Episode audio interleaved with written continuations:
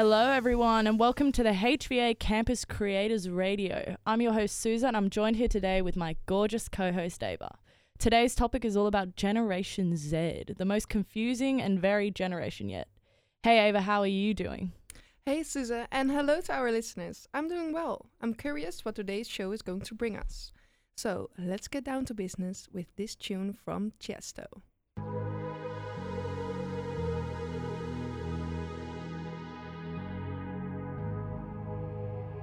Let's get down, let's get down to business.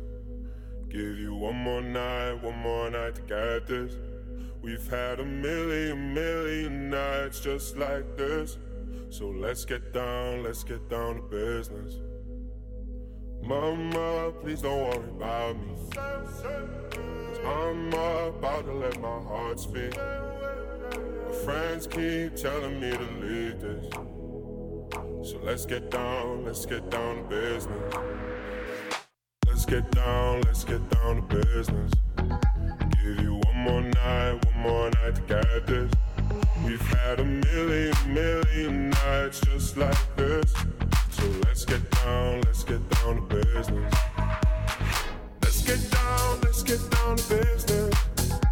Give you one more night, one more night to get this. We've had a million, million nights just like this. So let's get down, let's get down to. Back and forth, back and forth with the bullshit.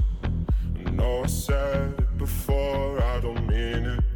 It's been a while since I had your attention. So it might hurt to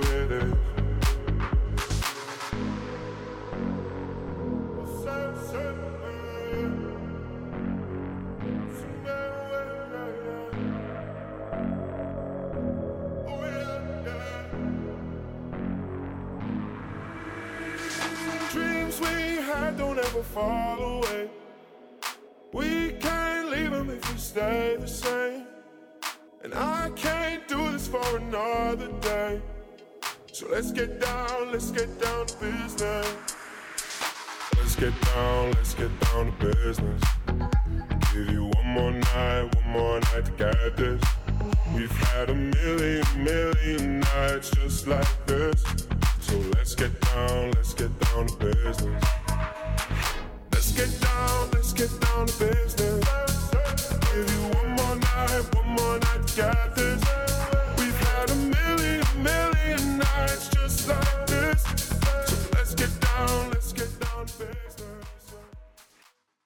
Such a sick song. I think Generation Z is the kind of generation that listens to any kind of music, you know, from 90s Nirvana to mood swings by Pop Smoke. Our generation really is the weirdest, isn't it?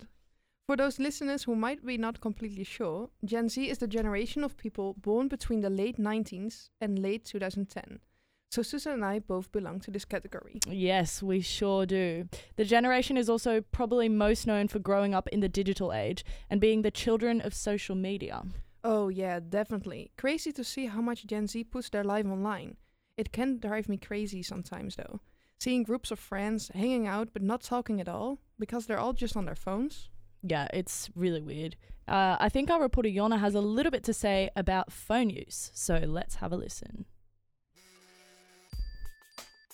Now that we're a couple of years in, smartphones have really integrated in our everyday lives. We have come to a point where the creators of these devices are even focusing on minimizing screen time rather than promoting it. Many Gen Zers claim that they'd happily replace their smartphone with a landline. But even if we really want to, would we be able to? And are we happy with the status quo? Generally, I would say that I have a hate love relationship with my phone. I notice myself always being caught up in my phone, doing literally nothing. I like my smartphone. I think it's a really convenient device that I use every day. You waste your time on social media, and with a phone, I would say you are generally more distracted. I think I would like to live without a phone. It adds no value to my life at all. I'm quite addicted now. Most of the time, I think 80% of the time, I'm just looking at my phone without even observing anything. If I had to choose a side, I would say I would like to live with a phone. Just also because I cannot really imagine how it is without a phone. If I really tried, I think I could manage, but it would be really hard. I don't think I could, because if I would need Google Maps, I wouldn't have it, just get lost. I would probably have 50% less friends than I have now. To get in touch with your friends, if they have all WhatsApp and I don't, probably that won't work. The number one communication uh, thing is by the smartphone. You can always call your friends. Am I supposed to write them letters then? The disadvantages, like being distracted and wasting time on social media, I think that's something that you control yourself. Life is so much more fun when you don't have a phone and you just enjoy life. Thank you, Jonna. Interesting th- stuff to think about. What do you think, Suze? Would you be able to live without your phone? I actually had quite a dramatic experience with a broken phone last month, so I went like a month without having a phone. And I have to say, I didn't miss it as much as I thought I would, but I am a little bit of an Instagram and a TikTok addict though.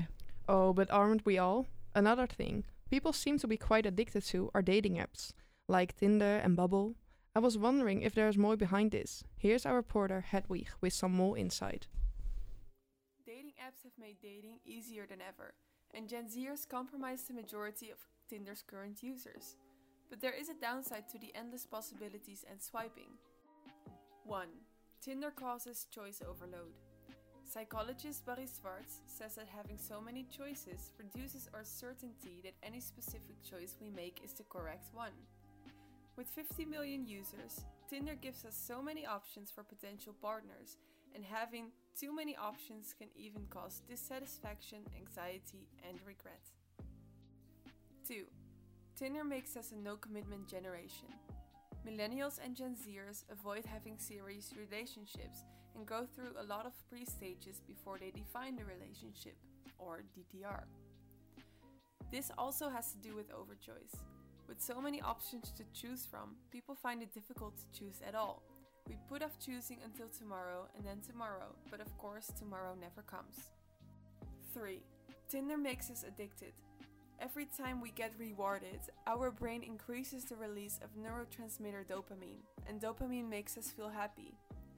Neuropsychologists say that we like the swiping leading up to the reward, the match, even more than the match itself. So you swipe and swipe, and before you know it, you're addicted to the dopamine rush and thus addicted to Tinder. 4. Tinder makes us less confident. According to a study by the American Psychological Association, Tinder users have less self confidence than non Tinder users. Active users are often more dissatisfied with the body, exhibit internalizing behavior of the social pressure on being beautiful, and more often compare themselves with others. We are swiping away our happiness using Tinder, so maybe we should start swiping away Tinder from our phones. Thank you for that, Hedwig. I guess I can really see how there might be some disadvantages to using Tinder, but I have to admit that I've used Tinder before. what about you, Ava? Oh, I'm so guilty. After my last breakup, my friends made me a Tinder account and started swiping. At first, I was skeptical, but they set me up for a date, and I met a really cute guy, to be honest. Hmm, sounds intriguing. Was it awkward meeting someone random from online? Oh, it was kind of awkward, and I was so nervous at the beginning, but it was a lot of fun, and he's really chill, so it was fine. You sound a little bit in love, Ava. love is a big word to use, Suze. So let's move on to the next topic. Here's the song Deep End by Jan Summit. Been trying not to go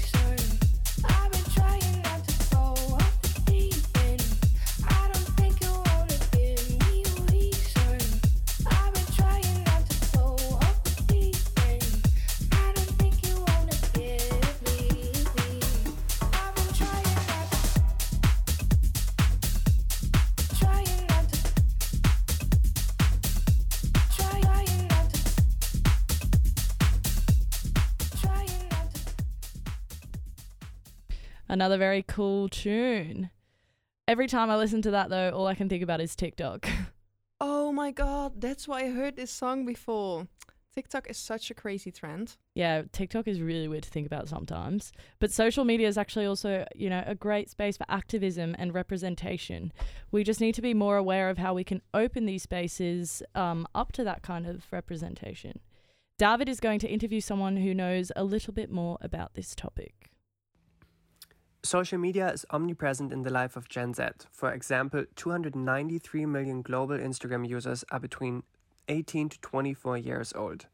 While Instagram is mostly a platform for self representation and advertisement, it also operates as a breeding ground for online activism. For example, the Instagram page Feminist has a following of 6.3 million followers. Uh, our guest today, Justine Kensler, wrote her bachelor thesis about the liberation versus the objectification of women's sexual self representation in social media and holds a master's degree in sociology. Justine, thank you so much for talking to us today. Hello. Um, okay, what do you mean by liberation or objectification? So, I think it's important to understand that women have a long history of being reduced to their body and their looks, and they were constantly objectified by the patriarchy. And now, the question that the young generation and us ask ourselves is when we present ourselves on social media the way we want to, is that actually liberating for us because we can show ourselves how we want to be seen? Or since we do in fact often reduce ourselves to our bodies and our looks and we're striving for as many likes as possible don't we then just yet again make ourselves an object of someone else's desire Okay, and what do you think this constant hassle of trying to get more likes or to be more desirable does to a generation like Gen Z? So I think it shows the general quantification of the society where maximization matters the most, and so many factors cannot and are not taken account when we just look at numbers all the time. And I think likes is exactly that. It's either good or bad, it's enough or not good enough. And I think it's quite detrimental for a society to only look at numbers and to only try to maximize really every aspect of life. Yes, it does sound scary. Um, do you think there's a way, do you have a tip how Gen Z can use social media more mindfully? So I think, like you said, of course, there's also good aspects about social media, like the activism and how it connects people and all the information that we have access to. But of course, I think it is important to choose, first of all, your content wisely. Who do you follow, and does it actually make you feel better, or do you just feel miserable every time you leave the platform?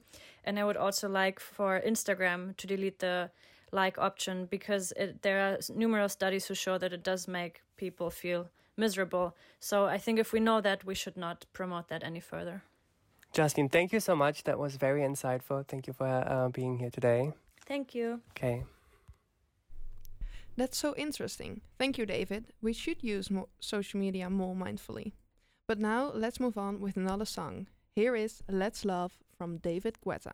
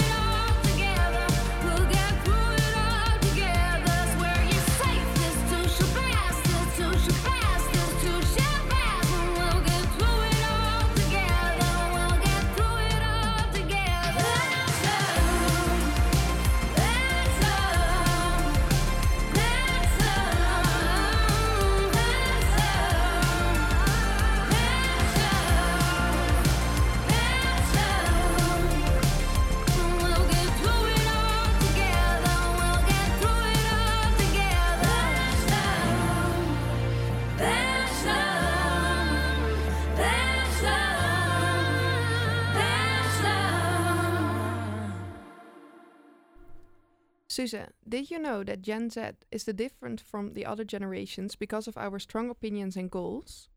Yeah, I mean, I think it kind of makes sense. Our futures are super unclear, so we need to put our all into our beliefs and our passions to make them become a reality. Yeah, exactly. And our generation really has an opinion about politics as well. I think that's so cool. Because sometimes it's crazy to realize that older people, m- mostly men, make huge decisions which influence our future. Did you hear about the abortion ban in Poland? Yeah, of course I did. It makes me extremely upset and actually angry. Safe female healthcare seems like something that is super necessarily uh, super necessary, but apparently some people in charge don't really think so. It's insane. Our reporter Talia is going to tell us more about this disturbing news. As of the 28th of October 2020, abortion is banned in Poland, except in the following circumstances. When a woman's life or health is endangered by the continuation of the pregnancy, or when the pregnancy is a result of a criminal act. This partial ban of abortion sparked the biggest range of protests since a long time all over the country. The protesters' slogans are This is a women's hell and This is war. Dominika Sowinska is an 18 year old student from Wrocław and is experiencing the protest firsthand. I asked her how it all unfolded. So I think it was very obvious that abortion ban is gonna be more strict just because Kayak Godek said she wants to, to, to strict it even more. Back in the three, four years ago when, when the first restrictions were born, uh, yeah, there were, you know, Black Wednesdays, Black Fridays, Black Thursdays, when we just went on streets wearing all black, black umbrellas and showing our disagreement towards that. But we said, like, kind of, okay, it's not uh, that strict and we can possibly even agree with that. But it kind of, you know, showed uh, them that they're push the limits even farther, even more restricted way. So they came up with, with this solution and, and it pretty much heated everything even more. Uh, so it was very obvious that uh, they want to strict that even more. Uh, and I think it's gonna happen. And if it's gonna happen, then then that's the end uh, for them and for their government. What is your personal standpoint or your view on the recent abortion ban? The things that the government said and did, it's not only about that now, it's more about everything that they're doing. So everyone is involved in that, you know, the youth, Generation Z, my parents, even elderly people are. Uh, I don't know, it kind of feels like we're still gonna be, you know, uh, very strictly at war with our government because they're gonna use more violence and they're gonna strict us more and showing us that we're not uh, humans, right? Because it was just like with the LGBTQ plus uh, ban and free zone ban back in the you know previous months when they said that LGBTQ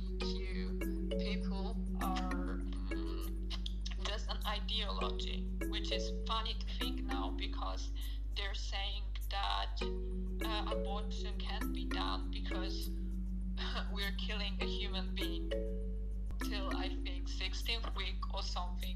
It's not a baby or a human. It's just a fetus. It doesn't feel anything. It doesn't have consciousness. So saying that something like that is a human and we must protect it at any cost, that uh, women life doesn't matter because you know pro-life is very important. And then saying a person that I don't know, it's not a heterosexual, it's not a human being. It's just I can't imagine it. Even during a global pandemic, the Polish people are going on the streets protesting for their rights, which shows just how severe the new ruling is. Thank you, Talia. Let's really hope for the best for this one. But let's bring back the happy vibes also. Here is a funky song, Dynamite, from BTS. Cause I, I'm in the stars tonight. So watch me bring the fire, set the night light. Shoes on, get up in the morning, cup of milk, let's rock and roll. Kink out, kick the drum, rolling on like a rolling stone. Sing song when I'm walking home, jump up to the top of the brown. And I'll get my ping pong. Huh. This is getting heavy,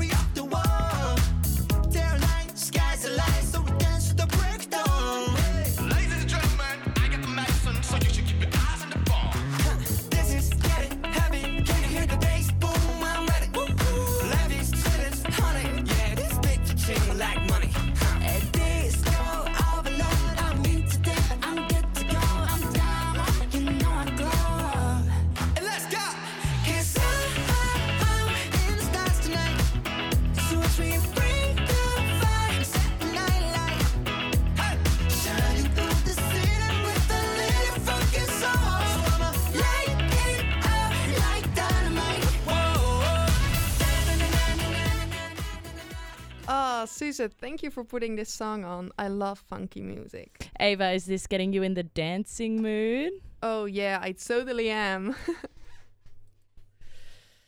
Okay, but before we put our dancing shoes on, we need to tell um, our viewers about the news. The news? Yeah, did you hear about the mutation of the coronavirus? Animals are getting infected with a mutated version of the virus, and there's actually a chance that the animals are going to reinfect humans. Our reporter Kiara will tell us all about it.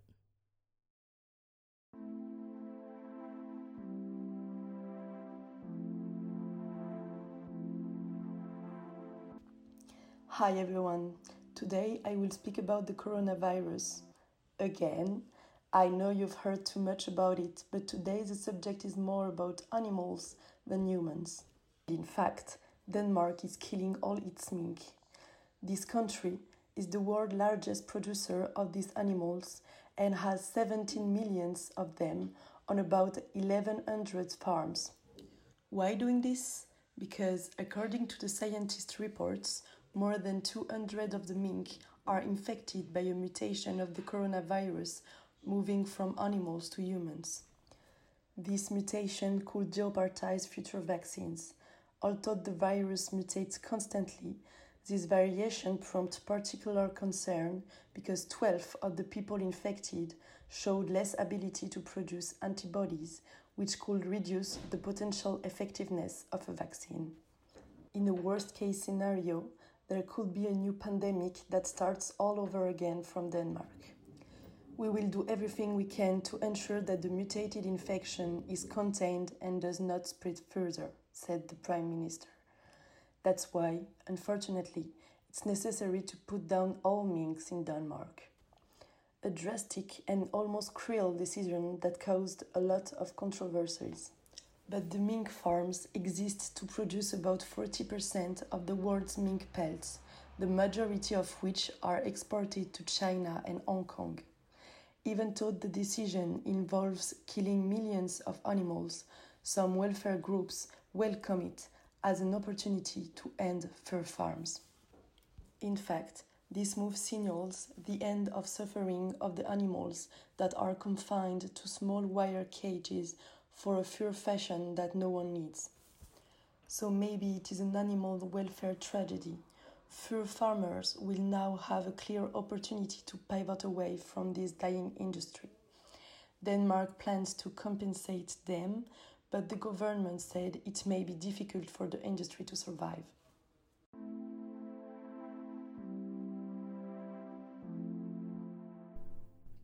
Whoa, that was not really the news I wanted to hear. Oh, I know, right? There's so much shit going on daily, I can barely keep up. When, oh, when can we get back to some normal kind of living? Oh my god, Suze, can I be honest with you? Oh, spill the tea, honey. Okay, yesterday I saw a TikTok video because, yeah, I'm a TikTok addict. And the video was about people dancing in a club, and I literally almost cry. Like, I'm not joking. I miss partying so much. Oh, me too. I'm craving a vague night in a dirty club so bad, honestly. But we can still dance, right? Uh, no, we can't. We aren't allowed. All the clubs in Amsterdam are closed. No, that's not what I meant. We can dance right now. Ooh, Suze, I like the way you're thinking. Let's get this party started. Here is a new dancing tune head, shoulder, knees, and toes. Yes, and listeners, get off your lazy ass asses and dance with us. Yes, thanks everyone for listening. Have a nice weekend and till next week. Bye. My shoulders, knees, and toes, my bones, your music gets me through the highs and lows. My head, shoulders, knees, and toes, my bones, you're keeping me from feeling all alone. a thousand different arms till I found you. I've been chasing by a thousand different hearts, so a thousand.